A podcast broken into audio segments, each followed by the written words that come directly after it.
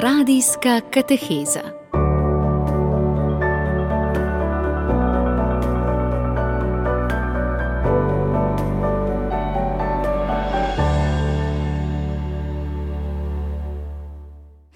Drage poslušalke in poslušalci radijske kateheze, gotovo ste že imeli težave, ko ste prebirali besedila svetega pisma so se vam zdela kruta, kot naprimer: Gospod te bo udaril s sušico, mrzlico, vnetico in zrjo. Nekatera besedila popisujejo dogodke, ki nam niso blizu, nekatera so bolj pesniška in so nam bližja, saj se v njih najdemo, rečemo, kot da so napisana za nas, kot naprimer: Izkaži mi milost, Gospod, ker sem onemogel, ozdravi me, Gospod, ker so moje kosti potrte. Danes bomo govorili o tem z akademikom, profesorjem dr. Jožetom Krašovcem. Veseli smo, da bomo slabo urico preživeli z vami, gospod Krašovec. Lepo pozdravljeni. Doktor Krašovec, nekaj vprašanj smo takole navrgli v vodoma. Kaj pravite na vse to? Kako naj beremo sveto pismo, da ga bomo dojeli? V krščanski in judovski tradiciji je pri vseh vernih eh, prvo vodilo pri branju svetega pisma zavest, da je to božja beseda. Vsi verni eh, v to verjamejo, ampak ta sklep ni sklep recimo neke manjšine, ki je samo površno brala svetopismo, ampak najbolj poglobljenih bralcev svetega pisma skozi stoletja in tisočletja. In to pomeni, da se na nek, nek način zanesemo na to in uh, pristopimo spoštljivo. To je zelo pomembno. Recimo, zlasti pri nekaterih eh, besedilih. Uh, še pred kratkim sem nekje prebral stališče Origena iz drugega stoletja pred Kristusom, že da visoke pesmi ne moreš dati komorkoli brati, ker lahko koga zavede v napačno doživljanje sporočila, da to pesem lahko berejo samo duhovno zreli ljudje. No, in zdaj mi predpostavljamo, da verniki pristopijo k branju svetega pisma ravno s tem razpoloženjem. Kljub tej zavesti pa želimo, sami priti do neke izkušnje. In da se lahko zgodi, da se zelo hitro dobimo občutek, da je to nekaj za nas, vsako besedilo ali vse večino besedil, ki jih srečamo, ko beremo ali poslušamo. Lahko pa da je trajati dolgo časa, preden se prepričamo ali pa občutimo to kot božjo besedo. Lahko se zgodi tudi to, kar sem že sam doživel, da mi je kdo od zobražencev rekel, da recimo stare zaveze sploh ne namerava več brati, ker je toliko krutosti v njej. No in potem moram tako odgovoriti, da je toliko bolj pomembno brati svetopismo, da ne bi uh, živeli z napačnimi predstavami, da bi projicirali svoje razumevanje svetopisma, kar ni mišljeno recimo, ko je govor o kazni, največkrat je to problem, zelo hudih kaznih, je treba najprej upoštevati, da sveto pismo eh, govori v simbolni obliki tudi o kazni, ko v resnici misli na nekaj, kar se dogaja po naravnem zakonu. Se pravi, če jaz delam slabo, tako da tudi fizične napake, sam lahko takoj vidim rezultate. Ampak če jim delam na robe, tudi v mislih, lahko tudi skritih, se tudi kažejo neki rezultati. Nekateri, ki so zelo občutljivi, bodo takoj začutili, kaj je v, v kom. In uh, glede na to, kako smo disponirani, koliko je to razne preizkušnje oblikovale naše misel in čustva, uh, toliko bolj smo sposobni, da dojamemo vsaj bistvo sporočila.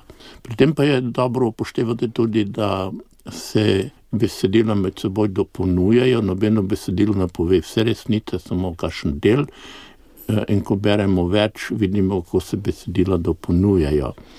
In to pomeni, da je dobro imeti zavesti vedno, da samo celosten pristop nas lahko privede do nekih varnih zaključkov. Torej, ko ste že prej omenili, da so nekateri rekli, da ne bodo več brali stare zaveze, ne? ta osnovna delitev na staro in novo zavezo, kaj je njuno bistvo, v čem se po tem takem, kar ste povedali, dejansko dopolnjujete? Nova zaveza po Jezusovih besedah dopolnjuje staro zavezo. Ne? Pravi, nisem prišel razvezati postavo, ampak dopolniti. In ker je on sam to izpostavil, nas zanima, kaj je tisto novi zavezi, kar dopolnjuje staro. In potem bi, bi rekel, tako izpostavil najprej to, kar je skupno novi zavezi. Tisto skupno, brez katere nove zaveze sploh ni. To pomeni, da je Bog eden. Ampak kaj se pa imamo v novi zavezi bolj izpostavljeno, kakor stari, da to, kar je v stari zavezi morda samo nakazano, je tukaj bistvo. Namreč, da se je Bog razodel v treh osebah. In da Jezus ni samo neki prerok, kakor so starozavezni preroki, ali pa islamu kakšen Mohamed, ne, to je tudi njihov problem, da je sam božji sin. Nič tega v stari zavezi nikjer ni videti, ne, da bi kakšno besedilo čisto direktno napovedalo, da pride sam božji sin in tako, da ga lahko stoodstotno gotovostjo prepoznaš. Mi vemo, da je imeli kar velike težave, da so prepoznali. No, in Jezus potem med drugim pravi, po njih sodovih jih boste spoznali. In apostoli so potrebovali sami veliko časa, da so prepoznali v Jezusu več kot kot človeško osebnost. Ampak to se je zgodilo šele po vstajanju. In to je zdaj višek. Če imamo v stari zavezi delovanje enega Boga v, na različne načine, recimo v stvarjenju, izhodu iz Egipta, reševanju Izraela z raznih stisk, tudi v razodevanju posameznih prorokom z navdihi, napovedi kazni in podobno. Pa zlasti pa izkazovanje usmiljenja, to je glavno tema psalmov, da je Bog usmiljen. Imamo zdaj novi zavezi poudarek na tem, da se to ne dogaja samo v to stran resničnosti, ampak da božje razodetje doseže višek v tem, da postanemo nesmrtna bitja, da po smrti, da nas čaka vstajanje. To je pa najpomembnejša razlika, ne. Stari Mogoče- zavezi to ni tako jasno nakazano, ne. To sem vas hotela vprašati, recimo, znano nam je, da saduceji pa niso verjeli v vstajenje mesa, ne. Torej, kako je s tem posmrtnim življenjem v stari zavezi? No, to, kar ste zdaj rekli, da da imamo izrecno poudarjeno v evangeliju, da saduceji niso verjeli v vstajenje, farizeji pa so verjeli, bi lahko rekli, da je situacija podobna kot danes. Kjerkoli po svetu vprašate koga, boste videli, da bodo nekateri rekli, da ne verjamejo, drugi pa, da verjamejo. In jaz sem sam doživel srečanje ljudi, ki so rekli celo ne samo, da verjamejo, ampak vedo. Reče, jaz vem, da vstajenje je, ne. Se pravi, imajo tako globoko duhovno izkušnjo ali pa notranjo intuicijo, da sploh nobenem pogledu ne dvomijo, da je tako. Nekateri imajo pa grozno velike težave.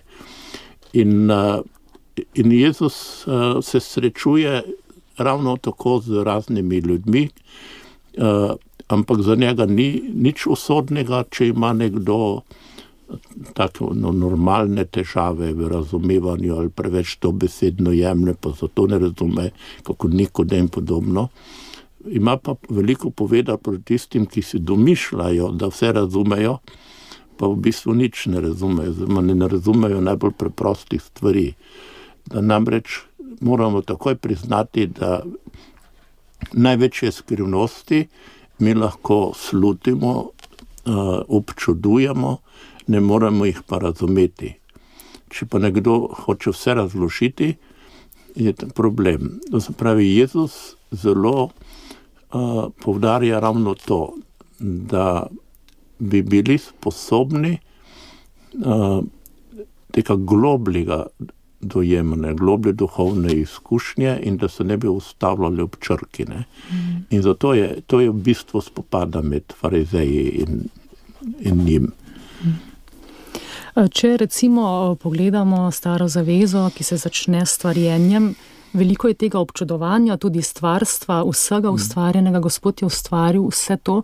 Kakšna je razlika, bom rekla, med temi uh, naravnimi verstvi, ki tudi prepoznavajo neko višjo silo v mm. naravnih uh, procesih, pa potem med to judovsko vero? Ja, to je pa, se mi zdi, na te točke najpomembnejše vprašanje, ker uh, nam da možnost, da premislimo, koliko je skupnega med tako imenovanimi naravnimi religijami in pa uh, svetopisemsko, ki jim smatramo za nadnaravno. In zdaj vprašanje, kaj vzamemo za kriterij. Ali se da nekimi zunanjimi kriteriji, direktno primerjavo tekstov, priti do sklepa, kaj je skupno, pa kaj je različno. Jaz bi rekel ja, ampak ne s tem, da prebere eno, dve besedili, moram potem že prebrati vse. No, in meni se je zgodilo enkrat uh, v Cirihu, ko sem uh, poleti bil v kažem mesec uh, na eni župni, domeščal župnika, da je bila Maša ob 12. v najmodernejšem delu Ciriha, čist novi crkvi. Uh, jaz opravim Mašo, po Maši pa pride v zakristijo, gospa srednjih let. Se predstavi in pravi, da je šla noter, zato ker je slišala zvonjenje in je kar šla noter, čeprav je protestantka, pa je vedela, da je crkva katoliška. In da mi mora povedati, da je vse življenje do takrat, ne, ko je bila v srednjih letih, želela raziskati, kaj je skupnega ali pa katera vera je boljša. In je šla na Japonsko in tam doktorirala iz teh vzhodnih religij, In ko je doktorirala, ugotovila, da je edina prava religija biblična. Zanimivo. Ja. To pravi, da je želela priti do konca. No, in to, tak primer pa ti res da misliti. Ne? Ona je vse te napore vzela na sebe, ker je želela res priti do konca. In če želimo priti do konca, potem si da mislimo, ko naletiš na oddajo, kot sem jaz doživel na Arte pred kakšnim desetimi leti, naslovom Budizem, religija brez Boga. No, in zdaj, če sem poslušal eno uro, pa mi tam spotrokovnjak razlaga, da je v bistvu je to religija brez Boga, spravi čisto naturalistična, potem se vprašam pa. Kaj je pa lahko tisto, kar pritegne, da se sploh tako religijo uživajo. Ne. Potem bi rekel, da je verjetno najbolj zanesljiva uh, razlaga to, kar je pa nam vsem skupno, naravni občutek za presežno, neka duhovna izkušnja. In da oni, kljub temu, da nimajo ene predstave o Bogu, ki bi ga lahko primerjali z bibličnim predstavom, ki je Bog eden, pa tudi oseba, tam pa kvečemo še neka formula, nek kozmični red. Oni izražajo svojo vero iz notranjega nagiba in potem vnašajo svojega duha, ki ga imajo v sebi v eno mrtvo črko ne, ali mrtvo strukturo. Morda kdo nekaj podobnega vidi tudi v Bibliji, da je nastala na podlagi take formule. Recimo. Ja, lahko vidi samo do takrat, ko se upira duhovni dimenziji. Lahko nekdo neha brati, zato ker je strah, da bi ga tista sebina preveč nagovorila in da bi se moral odločiti. Recimo, jaz sem doživel primer, ko je nekdo rekel, da ni veren, čeprav vem, da formalno je veren. Kaj ti, če bi bil veren, bi moral postiti, da Bog stopi mojo dušo. Zdaj, da je to velik problem. Uh, ko pa mi beremo staro in novo zavezo, neobremenjeno, če drugo ne tako iz radovednosti, ni mogoče, da ne bi prepoznali, da je to čist nekaj posebnega. Zlasti, če beremo kakšne preroke, ko govorijo o osebni izkušnji, ko se borijo z jasnostjo, ali psalmi, Jova in podobno. Ali tudi tašne zgodbe, kot je zgodba o egiptovskem Jožefu. Recimo. Nemogoče je, da ne bi začutili tega duha. No, in mi imamo skozi celo Evropo, eh, skozi zgodovino, razne pisatelje najvišjega ranga, ki so v primeru da so kaj rekli v svetem pismu, ravno to povdarili. Ne, da je to knjiga duha. In tem je glavna razlika. Pa zakaj? Zato, ker svetopismo je knjiga razodetja o Bogu, ki je oseba, ki nagovarja vsakega človeka v njegovi duhovni sredini. To je tudi Bog, kjer ni kazen, niti daleč najpomembnejša tema, to je samo sredstvo do višjega cilja, ima vzgojni namen cilj je pa samo eden, da se človek reši in da je največji podarek že v stari zavezi, kaj še v novi božji milosti, usmiljanju, odpoščanju in spravi. In nič tega nikjer nimamo. Recimo, da začnemo z grško religijo, mezopotamski, egiptovski, tam imamo predstavo o Bogu, ki uh, je samo eden izmed mnogih, v bistvu pa tu je najbolj zanimiva definicija tistih, ki se bolj sistematično ukvarjajo, da bogovi eh, niso nad naravo, ne morejo vplivati nad naravo. To se pravi, čudež tako odpade. Ne? Da so bogovi v bistvu neka predstava, fikcija, ampak so pa pripričani, da nimajo moči nad naravo. In zato bi lahko rekli, da je vrhovni ideal in kriterij presojanja vseh vprašanj, tako imenovani kozmični red. Pa celo v budizmu, kar naprej to govorijo, ne, da se moraš uskladiti z nekim kozmičnim redom, uh, doseči neko notranjo pomiritev. Ampak to ni potem neka teologija ali duhovnost v pravem pomenu besede. Ne pa je ta slutnja absolutnega, presežnega, absolutno presežnega, ali je temeljna vsakemu človeku? Ja, jaz mislim, da je dovolj možnosti, da vidimo v vsakem človeku, zdaj če je nekdo, recimo, bolan. Pa vzamemo primer že otrok, ne, ki niso razumsko tako razviti kot ti poprečijo. Kar je najbolj pomembno, je recimo z otroci z Downovim sindromom, da vsi, ki imajo kakšne izkušnje, pravi, da so neverjetno plemeniti. In ko me nekdo, ki je bil delno teolog, pa veliko razmišljal, se je zamislil ob tem, pravi, kako je to mogoče, da so pa ti otroci v bistvu boljši kot poprečje drugi. Odkud je to? Zapravi, da smo mi naravnani na nekaj absolutnega, na dobro. Ampak to je treba odkriti in da tisti, ki jim je, so prikrajšani, da kašne stvari to prej prepoznajo.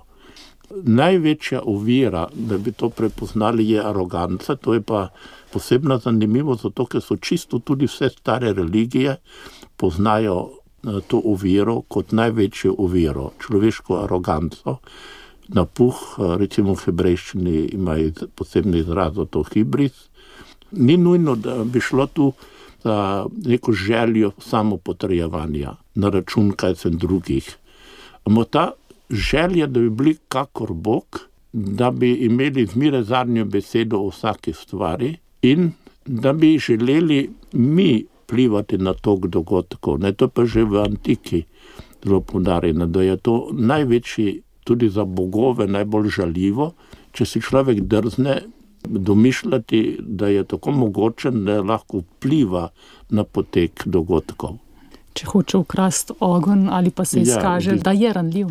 No, zdaj pa bo nekdo rekel, da ja, je to ravno slaba stran, ne, da imaš same prepovedi. Spomnim se enkrat na vlaku proti Münchnu, bil v oddelku z, z dvema študentkama, sestrama iz Münchna, smo bili pogovoru, ena je bila tiho, druga je pa bila, bila odgovorna in mi je rekla, in der Kirche gibt es lauter Verbote.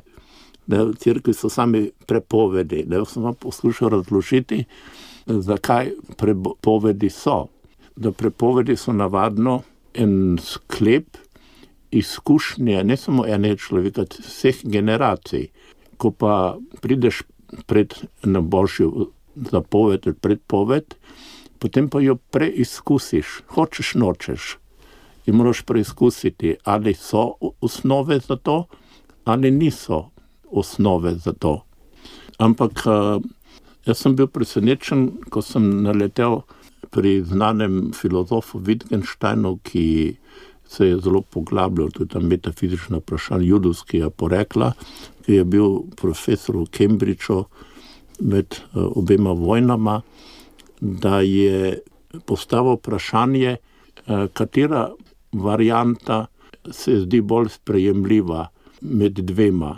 Ta, da verujem zato, ker razumem, oziroma da ubogam zato, ker razumem zakon, ki nekaj dopoveduje, ali pa da verujem kljub temu, da ga ne razumem. No, in večina je rekla ta varianta, da verujem zato, ker razumem. On je pa rekel, jaz pa mislim, da je pravilna druga varianta, da verujem, zato ker ne razumem. Zakaj je ta boljša? Zato ker je tisti razlog, ki je dejanski razlog naše vere, pokorščine in podobno, tako velikanski, tako veličasten, da ga ne morem razumeti. Presega naš razum. Ja, da presega mm. naš razum. In to je zdaj glavni problem človeka, ki ki za vsako ceno hoče imeti svojo razlago. Uh, Namesto da bi bili zadovoljni s tem, kar je tisto najlepše, recimo, ampak kaj je pa zdaj tisto, kar je jedro, stari nov zavede enako. Zmeraj živi stik Bog človek in po tej varianti, ker je ta stik možen in vsi, ki imajo tudi veliki duhovniki, stik z Bogom, potem so prepričani, da ni nobene više uh, harmonije in popolnosti in sreče kot je ta. In to je zdaj osnova za odnose med ljudmi. Ne? To se pravi, če mi drug drugega dojemamo kot božje stvarne, se pravi, bitje, ki je ustvarjeno po božji podobi, je to neskončno več kako si mi lahko predstavljamo, da bi razložili. Prav vsak človek je neskončna skrivnost in tako bi morali pristopiti. Ne da zreduciramo človeka na neke svoje formule, ne pa želje, kako razumeti, ampak da izhajamo iz sodišča, da je v človeku, vsakem človeku neskončno več, kako mi lahko razložimo. In potem sklep, če pa gre za to najbolj negativno smer, eh, recimo popoln odpor, nepokorščino, skrajno obliko nihilizma. Vsi, ki razmišljajo, eh, kako daleč to lahko gre, ugotavljajo, da noben človek, ki bi poskusil uničiti to božjo podobo, mu ne more uspeti. Zato, ker božja podoba ni njegova stvar, ne? je dana. Zbravi, če bi jo pa dohočil še uničiti, je ne more. Lahko poskuša delati proti sebi, ne more. In potem se lahko zgodi, da se enkrat ne veliča, v tem početjem pa se eno odane. Kakšno pa naj bo potem razmerje med vedenjem, znanjem, pridobivanjem znanja in potem, bom rekla, tudi neko spontanostjo, da ne bi recimo zapadli v nek um, aroganco? No, to je problem eh, moderne dobe, da je znanost, pristopi v znanosti so preveč fragmentarni, ne celostni. In zato bi tukaj izpostavil zanimivo izjavo, ki jo dal Einstein, da če hočeš ugotoviti posamezne zakone, potem moraš imeti vizijo celote.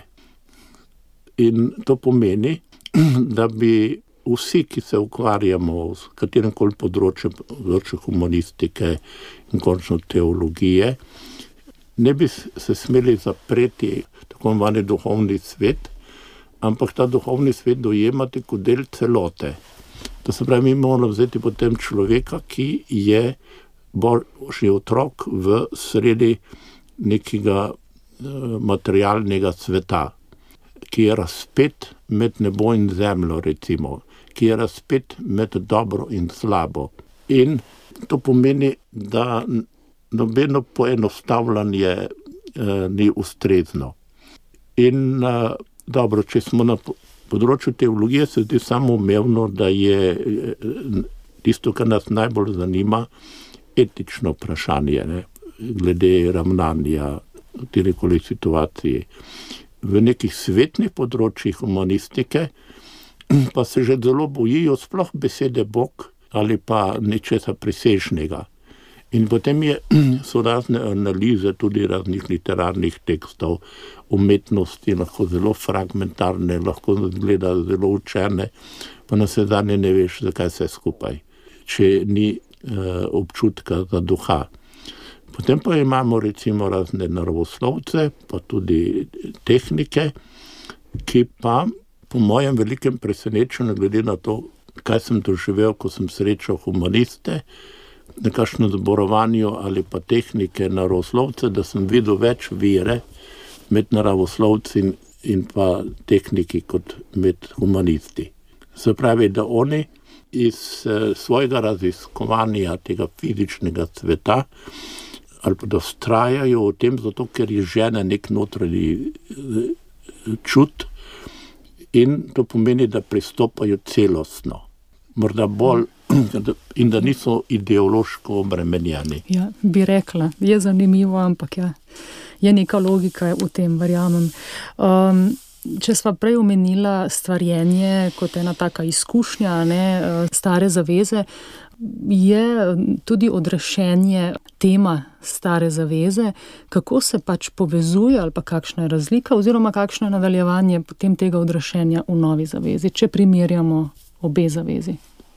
No, odrešenje je absolutno temeljni pojem. Eh, kot najbolj sintetična oznaka eh, svetopisemske religije je odrešenska zgodovina in tem se že kaže enkratnost uh, hebrejske religije.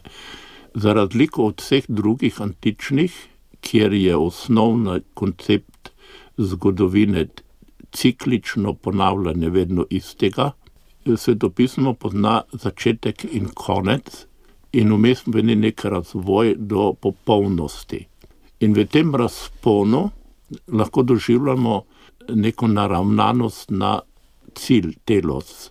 Zato se veliko uporablja recimo izraz inklinacija, inklinacija, naravnanost vsega nekomu cilju. In pa telos, kot grški pojem cilj, se uporablja za, kot izraz za celo predstavo uh, o tem, kako je vse naravnano. Pravi, te le, uh, ne teološki, ampak teleološki vidik da upoštevaš teleološki vidik v dojemanju sveta.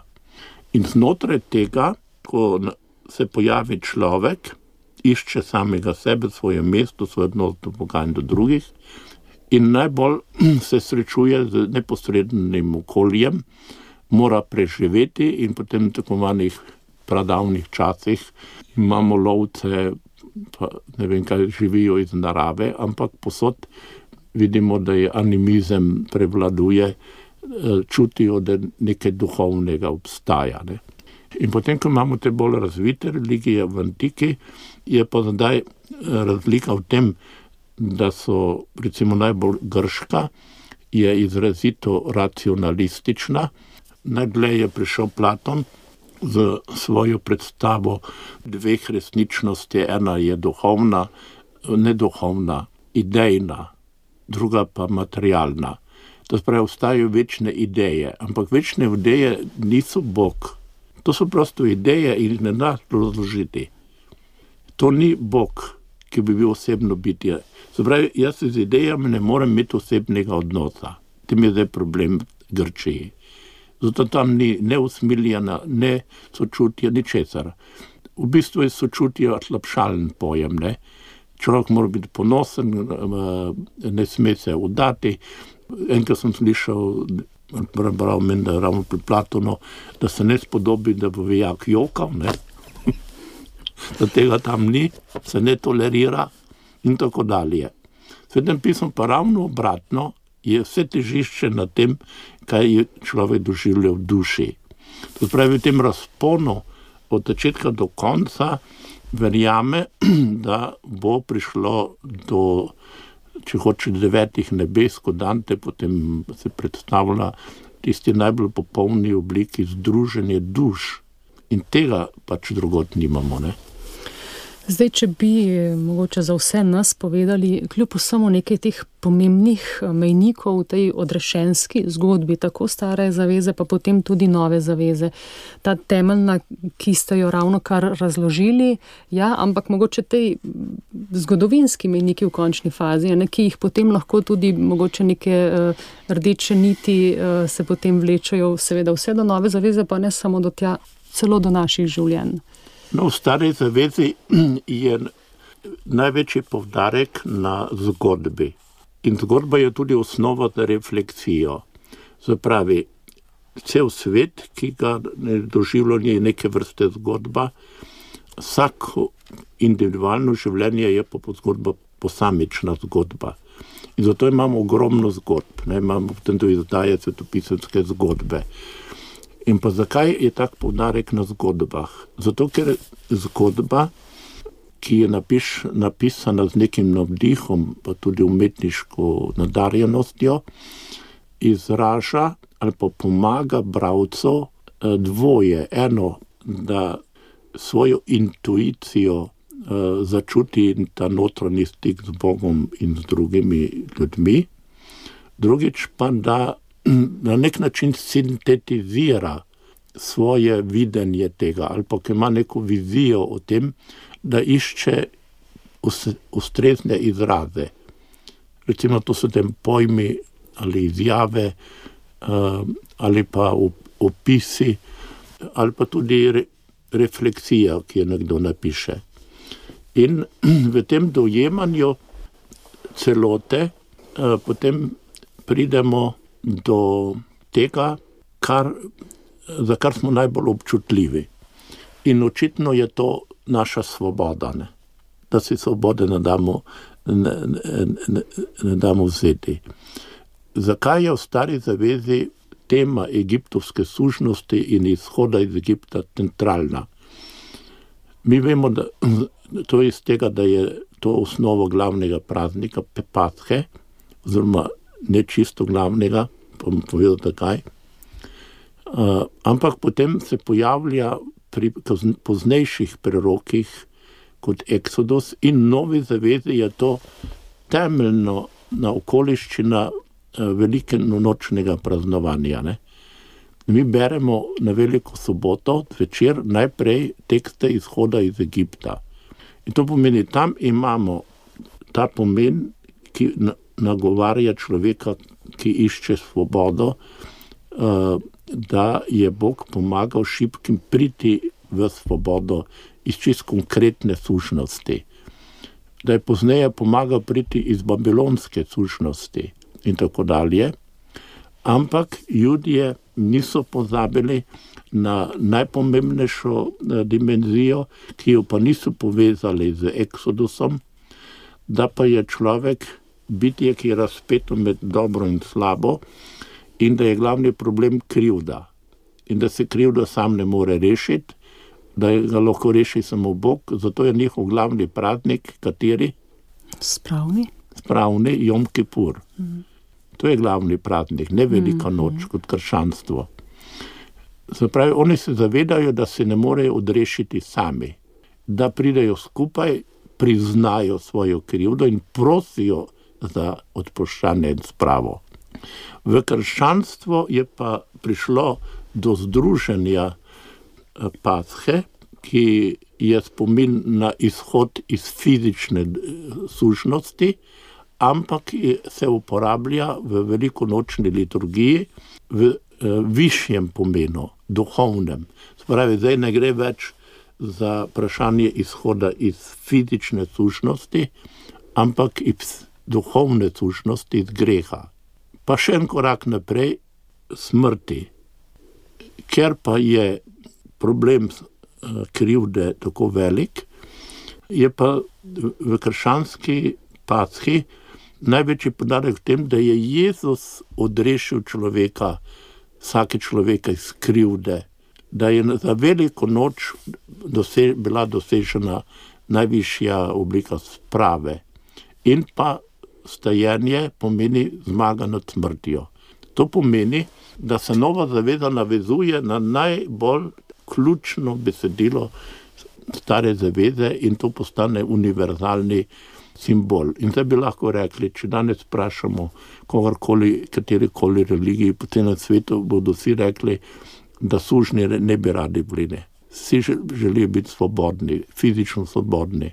Tisti, ki poskušajo duhovno živeti, bodo vsi rekli, da bi se radi osvobodili tudi duhovne sužnosti, greha. Problem pa nastane, ko, ko vprašaš vprašanje, kako se pa tega odrešiti. No, in potem nekateri potem pridejo v zablodo samo odrešenje. To je New Age, ki je v bistvu tem problematičen, da propagira v bistvu samo odrešenje. Ne?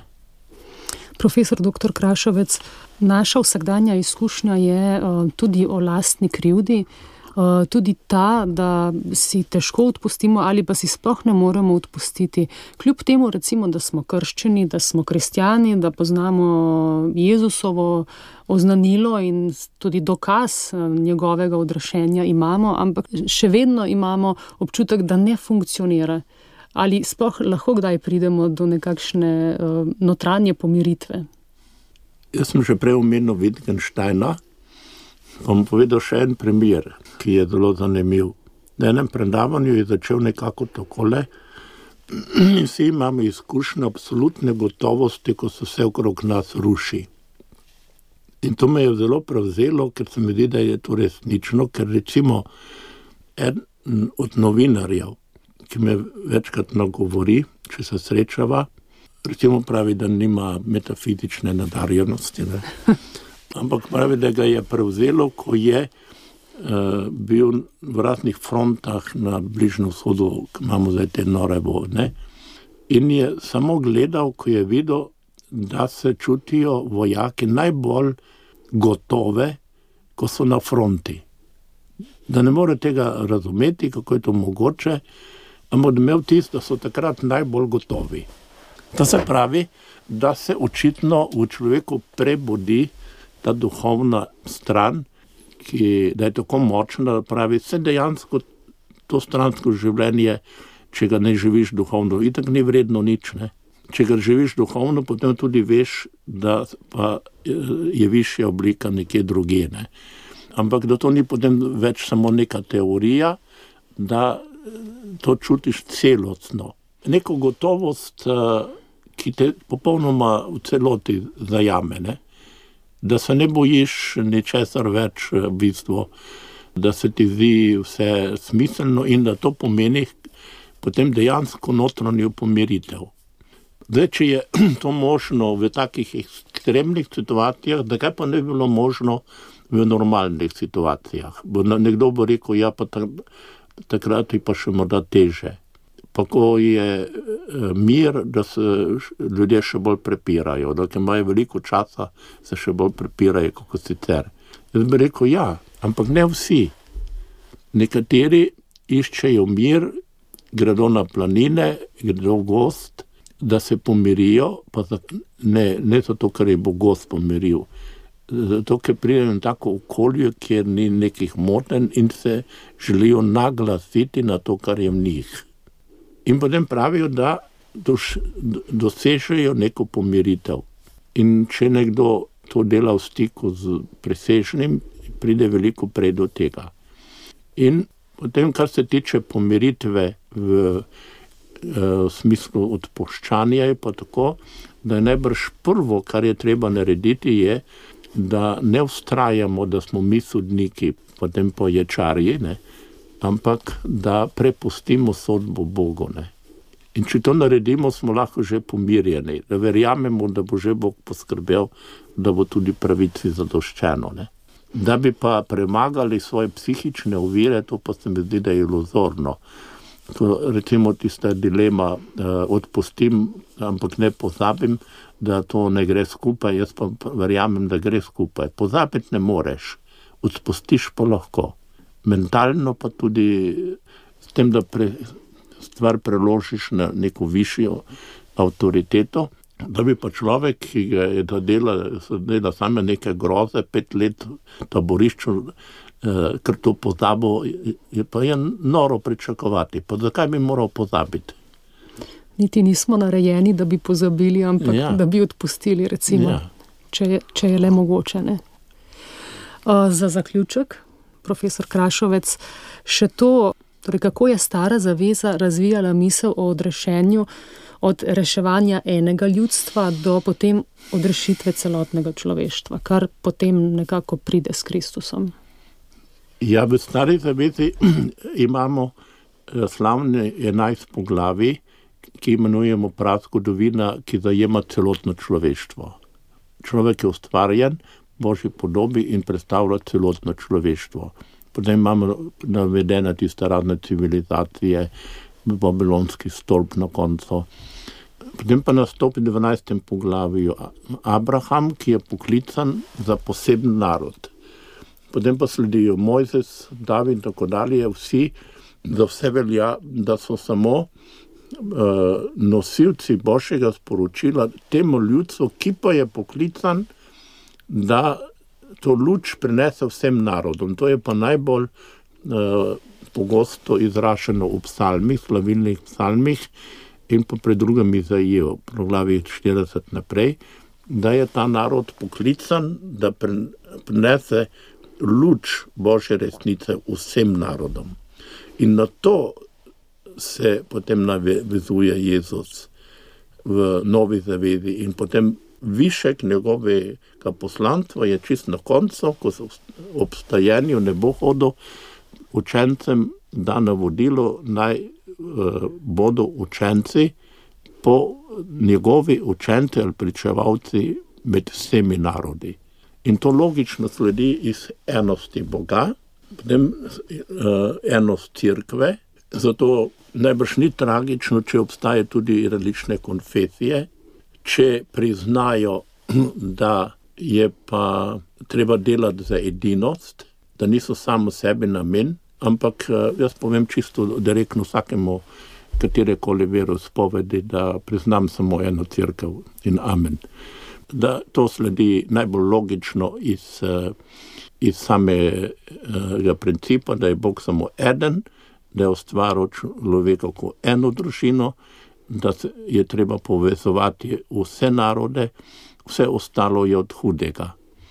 In tako je lahko tudi so razne sekte, hudičevo delo, če začne vsaka njihova propaganda, ko sem že doživel, da me kdo ustavi in začne eh, tam pripovedovati, kako katoliška crkva v svetopismu čist na robe razlaga, samo oni prav razlagajo. Potem je konec ne, debate. Eh, profesor dr. Jože Krašovec, eh, smo kristijani sami odgovorni za to, da sodobna Evropa noče imeti nič s krščanstvom. Kje je tisto bistvo, da mogoče vseeno bi se ljudje toliko sprostili, da bi kljub vsemu se podali na to pot, z nami ali brez nas? Jaz mislim, da mi smo krivi marsičesa, vsega pa ne in da bi zaradi naše krivde eh, bila taka situacija, to ne verjamem. Jaz verjamem, da bo Bog še sam poskrbel, tako kot je prav. In eh, da koliko bolj se bo Evropa opirala krščanstvu, toliko bolj prej ali slej ga bomo morala sprijeti. Pa naj ta misel odmeva v naših srcih, Do naslednjič, morda se priporočamo.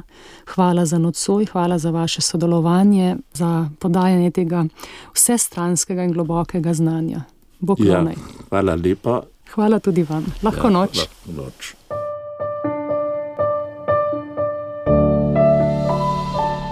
Radijska kateheza.